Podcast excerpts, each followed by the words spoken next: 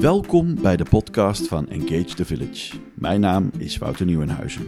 En ik ben Garissa Bakema, pleegouder en theatermaker. En samen maken wij deze podcast. Engage the Village gaat over grote en kleine verhalen uit de wereld van pleegzorg. Naast de podcast zijn er ook plannen voor liedjes, een theatervoorstelling, fotoreportages en andere kunstuitingen. Hoe is het als je ouders pleegouder worden? Hoe is het om in een pleeggezin op te groeien? Hoe is het als je je kind moet toevertrouwen aan de zorg van een ander? En hoe is het eigenlijk om pleegouder te zijn? Of pleegopa of oma? Wat ontdek je over jezelf? Hoe vormt het je? Wij verzamelen verhalen van veerkracht en hoop en maken er onder andere deze podcast van. Ik ben Jacob, vader van twee zoons en een dochter. Ehm, ik ben werkzaam in de infratechniek. Mijn talenten zijn vrij breed. Ik hou van knutselen en onderzoeken en vooral geduld hebben. Ik ben Martin. Ik heb een eh, zoon en een dochter. Ik werk in de Relle Infra en uh, ik hou van muziek maken. En ik ben Sander, uh, eh, 30 jaar oud. Ik heb een uh, zoontje van 6. Mijn grootste talent is eigenlijk dat ik mijn, eigen, mijn eigen ego aan de kant kan zetten voor mijn zoon. Ik werk als logistiek planner en daarnaast ben ik ook ervaringsdeskundige in de jeugdzorg. Voor deze tiende aflevering spraken Garissa en Tabita met Jacob, Martin en Sander. Hun kinderen groeien door verschillende oorzaken op in een pleeggezin en zij vertellen hier openhartig over. Uh, mijn dochtertje woont bij uh, Zwaag van uh, de broer van mijn vrouw. En mijn zoontje die woont in een woongroep voor jongeren. Onze kinderen zijn uit huis geplaatst. De familie die ze opvangt is inmiddels omgezet in netwerkpleegzorg. En dat heeft een, een goed effect. Ongeveer na een maand of vier, vijf is hij ondergebracht in het gezinshuis waar hij nu nog steeds zit. En uh, in een perspectiefbiedend gezin. En een half jaar later kwam ik pas in beeld. Alleen aangezien de hechting toen al zo ver was. Uh, dat, het eigenlijk, dat de terugplaatsing eigenlijk geen zin meer had. Was eigenlijk al vrij duidelijk dat zijn toekomst daar zou liggen. Uh, wat ik mooi aan mijn kinderen vind. Is ehm, dat ze nu meer een eigen mening kunnen krijgen. een eigen doelstelling kunnen doen wat ze voorheen thuis niet konden doen. ja, ik zie wel vooruitgang. Uh, dat ze die adviezen die ik geef, uh, dat ze die echt gaan opvolgen. En dan gaan ze ook nog een keer terugvragen van, oh ik heb dat gedaan en dat gedaan. En wat ze voorheen niet deden eigenlijk. Ja, de herkenning is uh, heel erg sterk. vooral omdat ze ook bij familie ondergebracht zijn dan zie je dat, dat bloedverwant en ook als broertjes en zusjes met elkaar, het moment dat ze bij ons zijn, dan is alles weer herenigd. En dan proberen ze de dingen ook weer te doen die ze eigenlijk heel leuk vinden en waar ze zichzelf ook in herkennen. En dat is uh, het mooiste om te zien.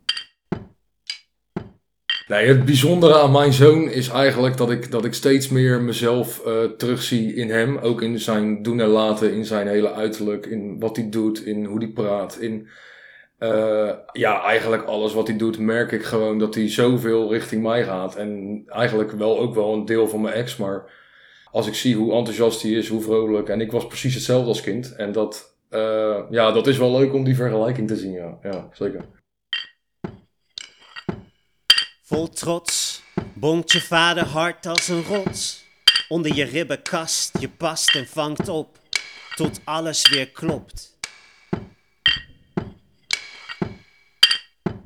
En als je kind aanklopt, om beleg en brood vraagt, geef je toch geen steen aan.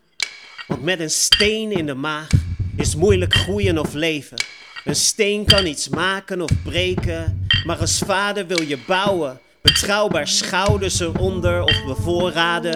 Een pad bestraten, stappen dragen, de doorstroom soepel maken.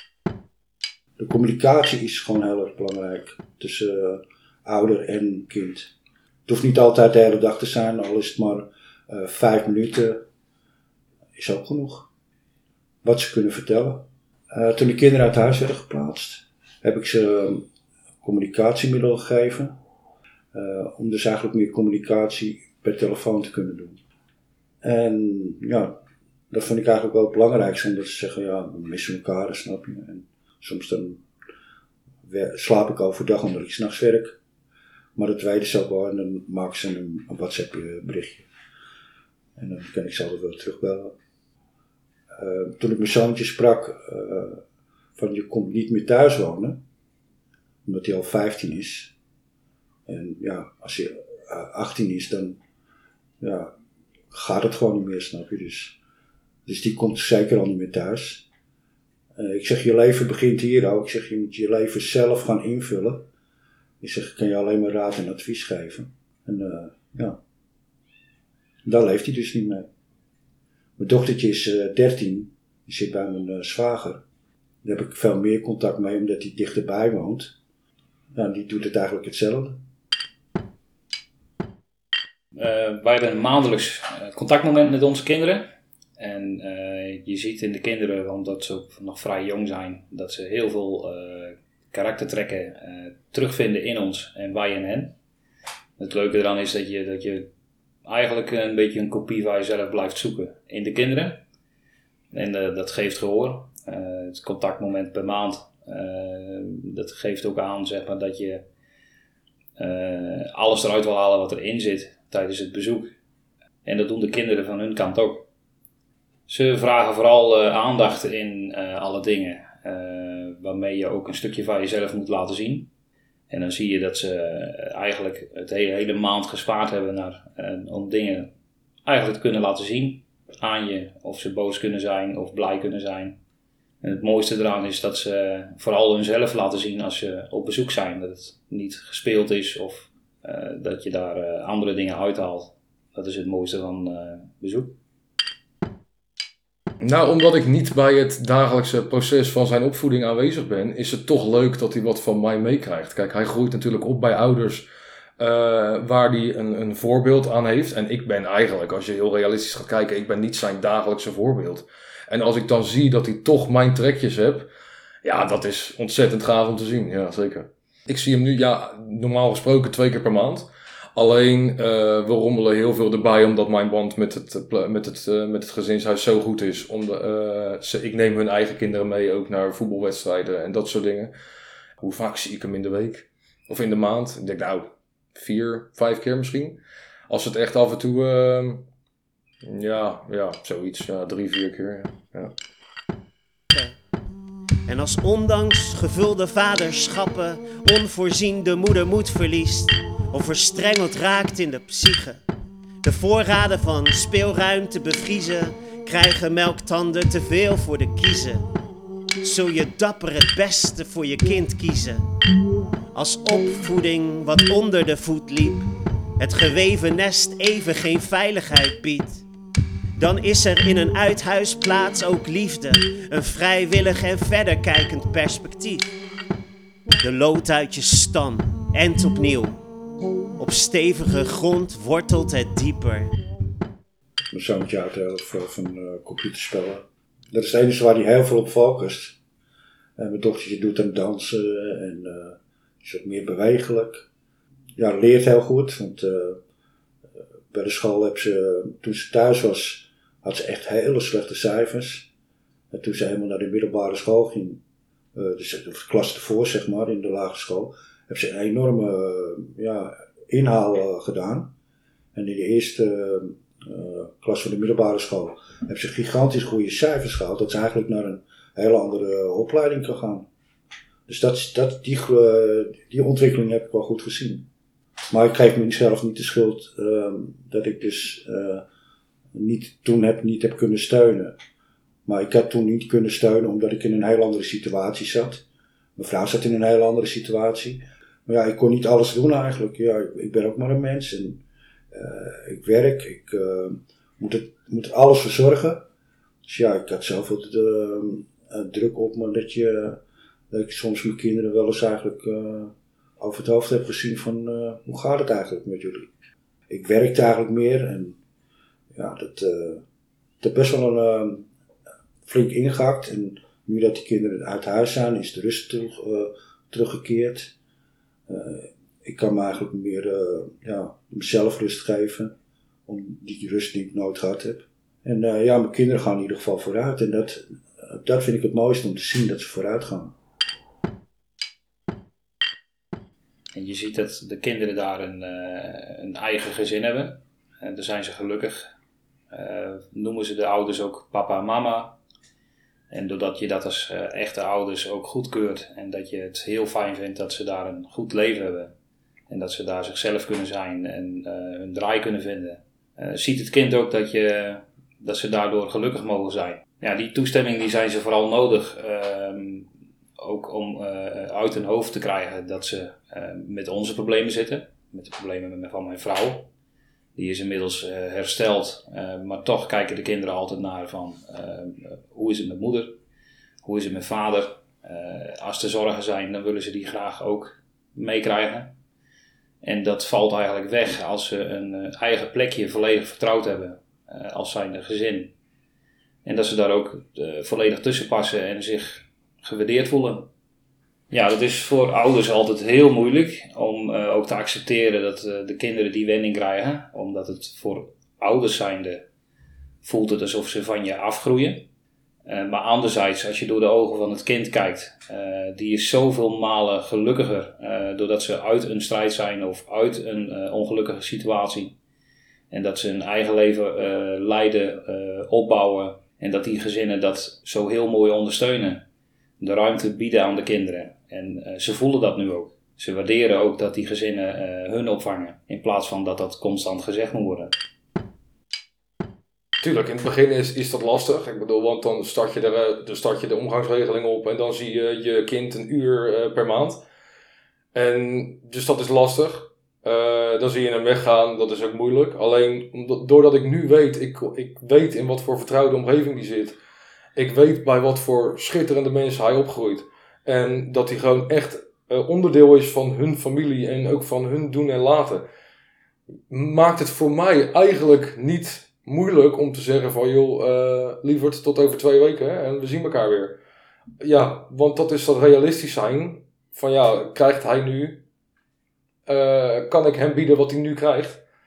En dat is nee. Dus dan is het weer het belang van het kind wat voorop gaat bij mij.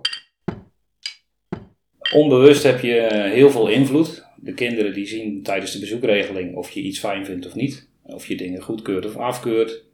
Eh, zelf als ouder valt je dat niet op dat kinderen daar toch heel sterk naar kijken. Wat jouw gevoel is, eh, hoe jouw positiviteit in dingen zit.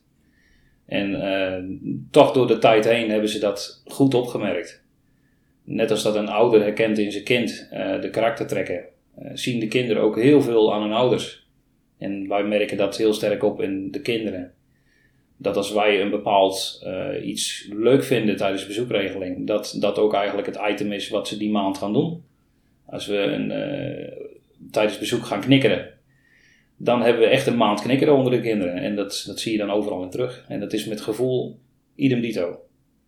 Eh, als wij een bepaald gevoel hebben over dingen, dan de kinderen die, die zien dat aan, nemen het mee. En het volgende bezoek zie je dat terug. En zo doe je onbewust toch je kinderen heel veel meegeven. En met vele overbruggingen bouw je een fort. Zet je groei voort met een belangrijke rol.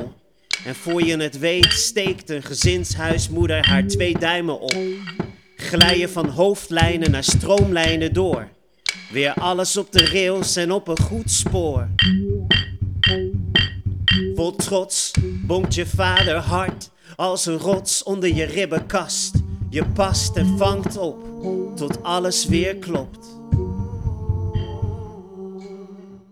Onze samenwerking met de, de pleeggezinnen, wat ook familie is, gaat hartstikke goed. Ehm, we hebben één keer per maand een bezoekregeling, dan halen we de kinderen op. Dan krijgen we heel veel informatie mee. Spannende dingen die gebeurd zijn of over school. Eh, ingrijpende dingen die horen we natuurlijk via, eh, via, de, via de telefoon tussendoor. Maar communicatie is hartstikke goed. Maar te veel communicatie wekt ook frustratie op. Eh, we hebben daar een aantal dingen mee meegemaakt. En geleerd om daar terughoudend in te zijn. Dat niet alles te vragen, niet alles te willen weten. Want het wekt toch een frustratie op dat je invloed wil tonen. Dat jij voor je kind wil kiezen of beslissingen wil maken die eigenlijk gewoon bij de pleegouders horen te liggen. We laten alle beslissingen bij de pleeggezinnen en eh, laten het kind er zelf op reageren. Als het kind echt iets ergens niet mee eens is, dan hebben we veel liever dat we zien dat het kind het aan de pleeghouders vraagt als aan ons. Want anders zien wij ook terug dat het kind niet met zulke vragen bij de pleeghouders terecht kan. En dat merken wij de laatste twee, drie jaar, dat de kinderen eigenlijk met al hun vragen gewoon bij de pleeghouders terecht kunnen. En dat is het beste resultaat wat wij kunnen wensen. Ja, balans vinden erin is eigenlijk het moeilijkste wat er is. Want je moet jezelf altijd op de tweede of de derde plek zetten. Terwijl je eh, vanuit je emotie uit wil je op de voorgrond zitten. Je wil meedenken, meebeslissen, alles meemaken. En dat komt altijd ten nadele van het kind uiteindelijk. Ja, mijn dochtertje zeg maar, die uh, zit met mijn zwager en die uh, communiceert ook heel veel over, over de opvoeding daar, zeg maar. Dat, hoe het gaat met haar, voor beslissingen, ja, dat mijn zwager ook af en toe maar nodig heb. Het is één keer in de week ga ik altijd naar mijn zwager toe, eventjes een soort van ehm, gesprek voeren van wat is er afgelopen week gebeurd, wat gaat er volgende week gebeuren. Dat, die contact heb ik heel veel. Met mijn zoontje is het weer anders omdat hij in een woongroep zit. En ja, omdat ik daar uh, toch vier keer in de maand naartoe ga. Nu is het twee keer in de maand. Dat, ja, ik moet ook wel eens werken in het weekend. Dus ik kan niet altijd uh, gaan. En omdat mijn vrouw ook beperkt is. Dus kan ik niet meer samen met mijn dochtertje en mijn vrouw gaan. Uh, ja, mijn zoontje die belt dan wel van, om dus op afstand te doen, videobellen. Dat is het enige wat ik kan doen. Nou, doordat ik weet waar die zit, dat, dat is voor mij gewoon zo belangrijk. Het is, het is voor mij echt um, een openbaring geweest in hoe het nu gaat. En als ik dan zie wat je, wat je in de kranten leest en in de, in, in, in, op internet leest en dat soort dingen. Dat biologische ouders hun kinderen uit het pleeggezin halen. En, en ja, het is alleen maar trauma voor het kind. En wat mij heel erg helpt is dat ik uh, zie dat hij daar gelukkig is. En kan ik hem nu bieden um, wat hij daar krijgt, nee, daar ben ik heel realistisch in. Dat gaat niet. En waar is hij dan gelukkiger? Ja, op dat moment daar. Ja, die samenwerking met de gezinshuishoudens is echt fantastisch. Ik uh, word eigenlijk in alles betrokken uh, wat er met mijn zoon gebeurt en wat hij gaat doen. En zo kom ik regelmatig op school. Ik ga mee naar, um, naar zwemles. En wat ik ook heel bijzonder vind bij hun is dat wij als ouder uh, en ook zijn moeder, zijn echte moeder, ook echt genoemd wordt bij het gezin. Wij worden gewoon bij naam genoemd. Hij heeft eigenlijk gewoon twee papa's en twee mama's. Uh, iedereen wordt gewoon bij naam genoemd. Er is niks geks. Ja, en daar floreert hij gewoon ontzettend in. En daardoor merk je ook gewoon dat, dat wij met z'n allen gewoon echt een familie zijn. Ik heb het ook al uh, een keertje aangegeven bij hun ook. Uh, van joh, de samenwerking, daar ben ik echt gewoon ruim tevreden over. En hun eigen dochter, die heeft mij ook eens een keer een beetje papa voor iedereen genoemd. Ja, en dat is gewoon ontzettend gaaf om, uh, om te horen. En dat is gewoon echt een pluim op je, wat je gedaan hebt en hoe je dat doet. En ja, dat is gewoon heel gaaf om zo'n samenwerking mee te maken, zeker weten, ja. Voor zijn voorzien en voortvaderend. Je bewaakt een stabiele basis. De kring versterken in ronde tafels. Vertrouwensband kan daverend dragen. En met een tweede schuilplaats om te landen, poets je veerkracht op tot ze glimmen als parels en diamanten. Met al hun facetten en kanten. Het is zo kwetsbaar, een leven volop in de stijgers. Je wil de vinger in de pap van papa zijn. Maar soms moet je een stapje achteruit om verder vooruit te kijken. Je bent van een afstand dichtbij, voor als er vragen zijn. Een beroep gedaan wordt op je wijsheid. En je ziet hem bouwen met stukjes die op jezelf lijken. Stap voor stap gaat het lopen, hechter en echter, de band goed geolied. En blokje voor blokje zal het weer passen en kloppen, omdat je nooit uit verbinding vanaf de eerste papa-klinkers wou je bruggen bouwen Paden bestraten, wegen mogelijk maken. Je verplaats je steeds als vader in de kinderschoen. Ongeacht gevoel, moet je met een D je best doen. Nou, in ieder geval uh, familie, mijn werk, mijn hulp zeg maar van, uh, van Cirelo en Vitré. En, uh, dat zijn allemaal kleine stukjes die ook een beetje steun geven. Ja, voor de rest ben ik een prater, dus ik praat heel veel dingen van me uit, zeg maar. Ja, dat, dat geeft me ook een, rust en een genoegdoening. En ja, natuurlijk de, de groei van je kinderen. Eh, dat geeft ook een hele, hele hoop eh, steun. Eh, in eerste instantie is onze familie natuurlijk eh, heel hecht. Die vangen ook de kinderen op. Er zijn veel meer broers en zusters van mijn vrouw en eh, van mijn kant die meeleven. Eh, er wordt ook vaak om gebeden natuurlijk. Maar vooral die, die je steunt, eh, die wil je ook vaak heel graag helpen. En eh, mijn vrouw die helpt mij, ik help mijn vrouw. Eh, je praat er vaak over. Maar wat belangrijker is, is dat je samen een sterke mening hebt. En eh, eerder een, op één lijn blijft liggen, ook richting de kinderen. Zodat ze zien dat wij hetzelfde denken, dezelfde beslissingen maken. Dat als ik iets adviseer of zeg of vraag, dat dat dezelfde vraag is als die van mijn vrouw. Van buitenaf advies vragen. eh, we krijgen natuurlijk met ronde tafelgesprek. Dat doen we normaal gesproken één keer in de drie maanden. Dan overleg je eigenlijk met de pleeghouders en met de pleegzorgwerker en met ons. eh, overleg je de hoofdlijnen, dingen die belangrijk zijn, eh, dingen waar je naar moet kijken, eh, problemen die opgevangen moeten worden. En daaruit haal je de belangrijkste informatie van hoe de komende periode gaat lopen. Wij hebben natuurlijk ook sterke doelen voor onszelf, voor ons gezin. Vanaf dag 1 willen wij natuurlijk ook dat je weer herenigd wordt en dat alles weer wat ouder wordt. Maar omdat kinderen te lang uit huis zijn, dan eh, is dat natuurlijk niet mogelijk. Maar voor de toekomst blijf je wel nadenken van... hé, hey, de kinderen hebben hulp nodig of de kinderen die zijn hartstikke gelukkig. Hoe gaan wij ermee om?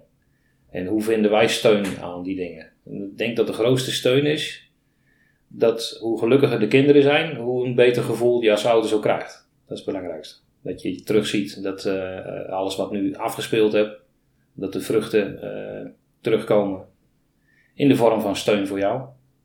De mentaliteit verandert ook heel snel als je eh, positieve me- momenten gecreëerd hebt en dat de vruchten daarvan zichtbaar zijn. Ja, wat mij echt gesteund heeft in het begin is voornamelijk muziek. Ik was eigenlijk niet zo'n niet zo'n prater over dit onderwerp. Ik was juist meer eh, gesloten, zeker toen het in het begin eh, net gebeurd was, uh, de uithuisplaatsing. En toen is er een moment geweest met de gezinshuismoeder dat eh, zij eh, mijn zoon eh, de trap ophielp van de glijbaan. En toen stak ze haar twee duimen op en toen liep ze weg. En toen moest ik dus als onwetende vader die helemaal niks wist hoe je, een, hoe je een kind op moet voeden of wat dan ook, moest ik mijn zoon van de glijbaan af gaan helpen. En dat is bij mij echt een omslag geweest. Van deze mensen hebben het echt het beste met mij voor. En die willen mij ook een rol geven in hun gezin. En vanaf dat moment is het eigenlijk, heb ik eigenlijk alleen maar ja, steun aan hun gehad, zeg maar. Want het is, je merkte gewoon dat, dat ik echt een, echt een, ja, een onderdeel van de familie langzamerhand werd. En dat volgde ook heel snel in dat ik bij hun thuis kwam. En nou ja, sindsdien is het eigenlijk alleen maar, uh, uh, alleen maar positief uh, veranderd. Ja, zeker. En daar hou jij als vader ja, ontzettend veel steun uit. Ja. Nou ja, ze zijn ook heel makkelijk wat, wat betreft de omgang. Ik, ik haal hem op uit school en ik zeg, joh, hij wil naar ehm, een, een indoor speeltuin. Mag ik gelijk doorrijden? Ja hoor, waarom niet? En, en ik hoef eigenlijk niet eens meer te bellen.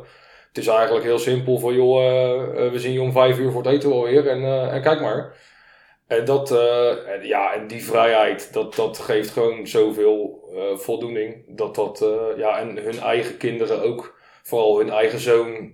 ik weet het nog heel goed, toen kwam ik net bij hun thuis over de vloer. En hun eigen zoon kwam erachter dat ik best wel vervent voetballiefhebber ben.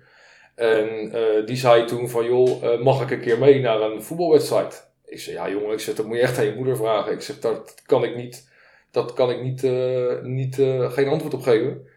En toen ging hij naar zijn moeder toe. En zijn moeder zei, ja hoor, waarom niet? En heel simpel, heel makkelijk en, en gewoon echt een ontzettend goede vertrouwensband. Die werd opgebouwd, terwijl ik er zelf niet eens zo heel erg bij stil stond op dat moment. Maar van die kleine dingen moet je het wel hebben. En hun doen zoveel kleine dingen. Um, ja, wat het gewoon eigenlijk het hele traject heel makkelijk maakt. Uh, zo kom ik bij hun thuis over de vloer. Ik kom bij pleegopa en pleegoma kom ik over de vloer. Daar zit ik gewoon ook te eten s'avonds af en toe.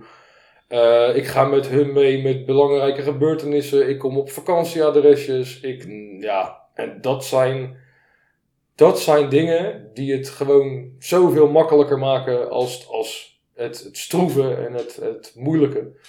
En, ehm, maar dat ligt ook aan, dat ligt aan mij, alleen dat ligt ook zeker aan hun. Hun staan daarvoor open.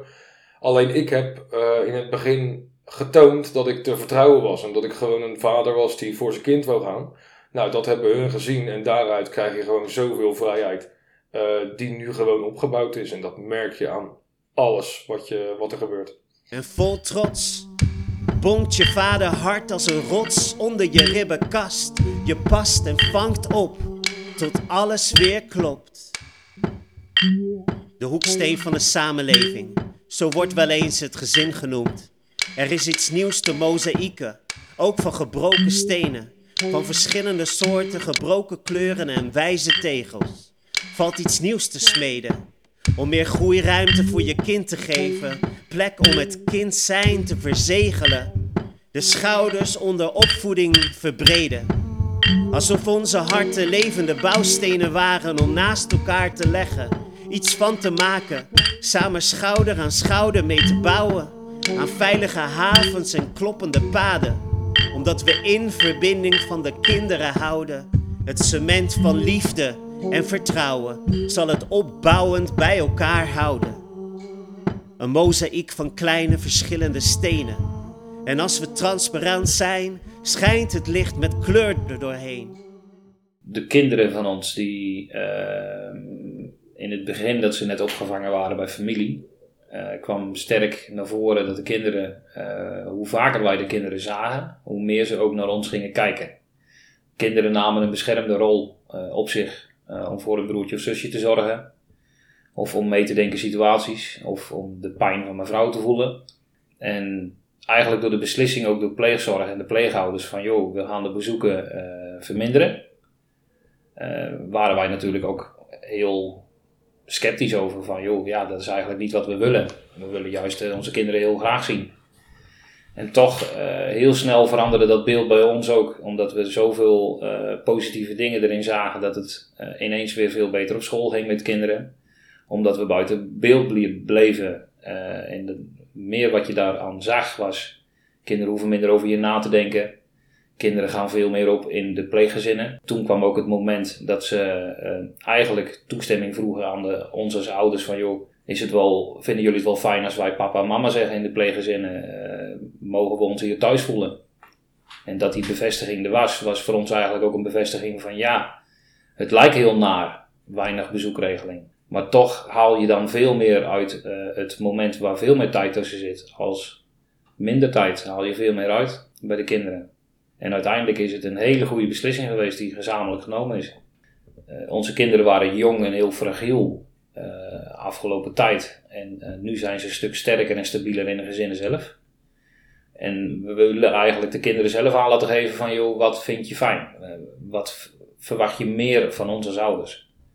En is het misschien in de vorm van bezoek? Is het misschien in de vorm van iets te delen? buitenschoolse activiteit? Of, of noem maar op, er zijn zoveel voorbeelden. En dat is uh, ons volgende doel. Ons uiteindelijke doel is niet meer haalbaar, omdat de kinderen toch niet uh, mogelijk terug kunnen komen. En dat is voor de kinderen ook helemaal niet goed om nog een trauma te creëren. Maar wij verleggen wel constant onze grenzen in wat wij zelf willen. Maar het is voor ons als ouder heel belangrijk om te kijken van wat is haalbaar? Waarmee schaden we de kinderen niet? Uh, wat zouden de kinderen zelf willen en vinden? En dat is geen momentopname. Sommige dingen kun je pas proeven als je dat uh, uitstrijkt over een tijd. Geduld is heel essentieel. Het meest geniet ik van vaderschap is dat je toch uiteindelijk uh, dezelfde dingen van jezelf terugziet in de kinderen. En dat ze het ook heel fijn vinden dat ze hun dingen terugzien in jou. Als je probeert zoveel mogelijk jezelf te zijn ook tijdens de bezoekregeling, uh, dan, dan, genieten de kinderen van. En als de kinderen genieten, dan geniet je als vader het meeste. Uh, voor de kinderen vind ik het wel belangrijk dat ik die contacten wel met ze heb. En dat ik wel naar hun toekomst kijk, wat ze willen. Om daar ook bij heel veel steun aan te geven. Dat ze toch uh, hun dingen kunnen doen en de goede beslissingen kunnen nemen. om dus toch die advies te geven van spaar liever voordat je dingen gaat uitgeven je problemen proberen voor te zijn. Dat heb ik ook moeten leren. En ook proberen te doen, maar soms lukt het niet. En nu lukt het dus altijd. Dus eigenlijk in ieder, in ieder geval meer nadenken erover. Ja, je kan beter langer nadenken dan eh, te weinig. Dat zijn de dingen die ze mee moeten nemen naar de toekomst.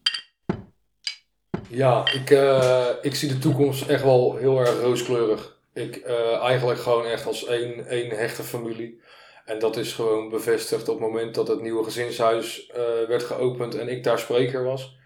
En toen werd, het, ja, toen werd de familie voorgesteld en uit respect ben ik toen blijven zitten. En achteraf heeft de gezinshuismoeder toen gezegd van joh, waarom kom je er niet bij staan? Want het, jij hoort erbij, je, bent onderdeel van ons. En daardoor ben ik dat ook steeds meer gaan zien. Van joh, ik hoor er echt bij. Ik, ik ben onderdeel van. En uh, daarom zie ik het gewoon echt als één, ja, als één grote hechte familie. Ja, het perspectief uh, ligt wel bij hun. Um, ook gewoon vanwege de hechting en dat hij nu gewoon zit op een hele mooie, veilige plek. Ja, ik denk dat dat in de toekomst eigenlijk alleen nog maar, nog maar beter zou worden. Want dit zijn mensen die, die mij dat gevoel ook geven. Dus ik heb wel echt het idee dat dat alleen maar uitgebreider gaat worden. En alleen maar nog mooier gaat worden dan dat het nu al is. Nou, wat je voornamelijk vaak hoort natuurlijk, is dat wij als vader uh, eigenlijk al gelijk vrij wel 1-0 achter staan. Het is meer natuurlijk moeder-kind wat heel vaak overblijft, zeg maar. De vader heel vaak buiten beeld raakt. Het enige wat ik wil meegeven is, joh, laat je als vader niet uh, niet kennen. Het is ook jouw kind. Het is ook jouw verantwoording uh, dat die kleine rondloopt. En uh, ook jij moet, moet je inzet tonen. Het is heel makkelijk om te zeggen van, ah joh, laat maar zitten, ik vind het wel best en kijk maar. Maar het kind gaat vragen. Het kind gaat je zoeken en het kind gaat, denk ik, op zoek naar zijn ouders. En dan kan je gewoon denken, in mijn beleving kan je dan beter gewoon gelijk vanaf het begin. Uh, ja, en dan moet je even door die hel. En ja, dan is het even lastig. Maar uiteindelijk is het voor je kind een stuk beter als hij ook weet wat zijn echte achtergrond is. En daarom vind ik het heel belangrijk dat eigenlijk de biologische ouders altijd in beeld blijven. Uh, in wat voor opvoeding dan ook. En al is dat bij een, bij een pleeggezin, al is dat bij een gezinshuis, al is dat bij hè, wat, uh, familie. Uh, dan nog is het heel belangrijk dat jij als biologische ouder altijd nauw en hecht betrokken blijft. Ja, het is ook belangrijk voor de identiteit van het kind, denk ik. We bouwen aan de toekomst van onze kleintjes, zodat ze ooit groot zullen schijnen. Een familiehart met unieke partjes ingelegd, mozaïek van eenheid, uit puzzelstukjes samengesteld om collectieve grote blok te vormen dat staat als een huis. Een verlegde steen in de rivier zorgt dat de stroom weer bruist. Vol trots bonkt je vader hart als een rots onder je ribbenkast. Je past en vangt op tot alles weer klopt. Het is uh, niet wenselijk dat het zoiets, uh, uh, dat de film eigenlijk anders afloopt dan je het had verwacht. Maar ja, soms moet je eigenlijk meer in het belang van het kind gaan kijken in de plaats het belang van jezelf. Ik herken het wel heel erg. Zeker ook in wat je vertelt met uh, het belang van je eigen kind belangrijker dan, uh, dan je eigen ego. Dat, ja, dat herken ik wel heel erg. Want uh, tuurlijk, de situatie waarin ik ook zit is ook niet wenselijk. Hè? En het liefst neem ik hem ook gewoon mee naar huis en, groeit hij lekker bij mij op. Alleen is het in het belang van het kind. Bij mij is dat niet zo. En dat is weer uh, om in te haken op, op jouw verhaal. Van joh, uh, wat is er belangrijker? Je eigen ego en je eigen wil? Of het, de wil van je kind en de, uh, hoe heet dat, de opgroeiing van je kind? Um, mij heeft het meeste geholpen eerst te kijken van uh, hoe kan ik het doel benaderen dat kinderen gelukkig zijn. En dat is wel door achter hen te blijven staan. En vooral door hun ogen heen te kijken van wat zouden ze het beste kunnen krijgen? Wat is het mooiste voor het kind? Een veilige situatie. Je ziet er de vruchten van. En die zie je, de eerste jaren zie je die niet. Die wil je als ouders ook niet zien, want een ander die gaat over jouw kind. En het zijn niet jouw beslissingen. En toch uiteindelijk, als je terugkijkt, dan zijn het wel jouw beslissingen. Want het was het beste voor het kind.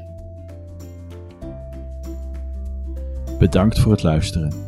Aan deze aflevering werkten mee Jacob, Martin, Sander en Tabita van Dongen. De spoken word was van de Dromine en de muziek die je hoorde is van Blue Dot Sessions. Engage the Village is een initiatief van jeugdhulporganisatie Vitré en Broedgebied in samenwerking met verschillende kunstenaars en pleegzorgorganisaties. De podcast is een productie van Katter. Vond je dit interessant? Deel de podcast dan met je familie, vrienden en collega's en abonneer je via je podcast-app of via YouTube, waar we ook te vinden zijn. Wil je reageren of meepraten? Stuur dan een mailtje naar engagethevillage.broedgebied.nl of ga voor meer informatie naar triadevitré.nl. Tot de volgende podcast.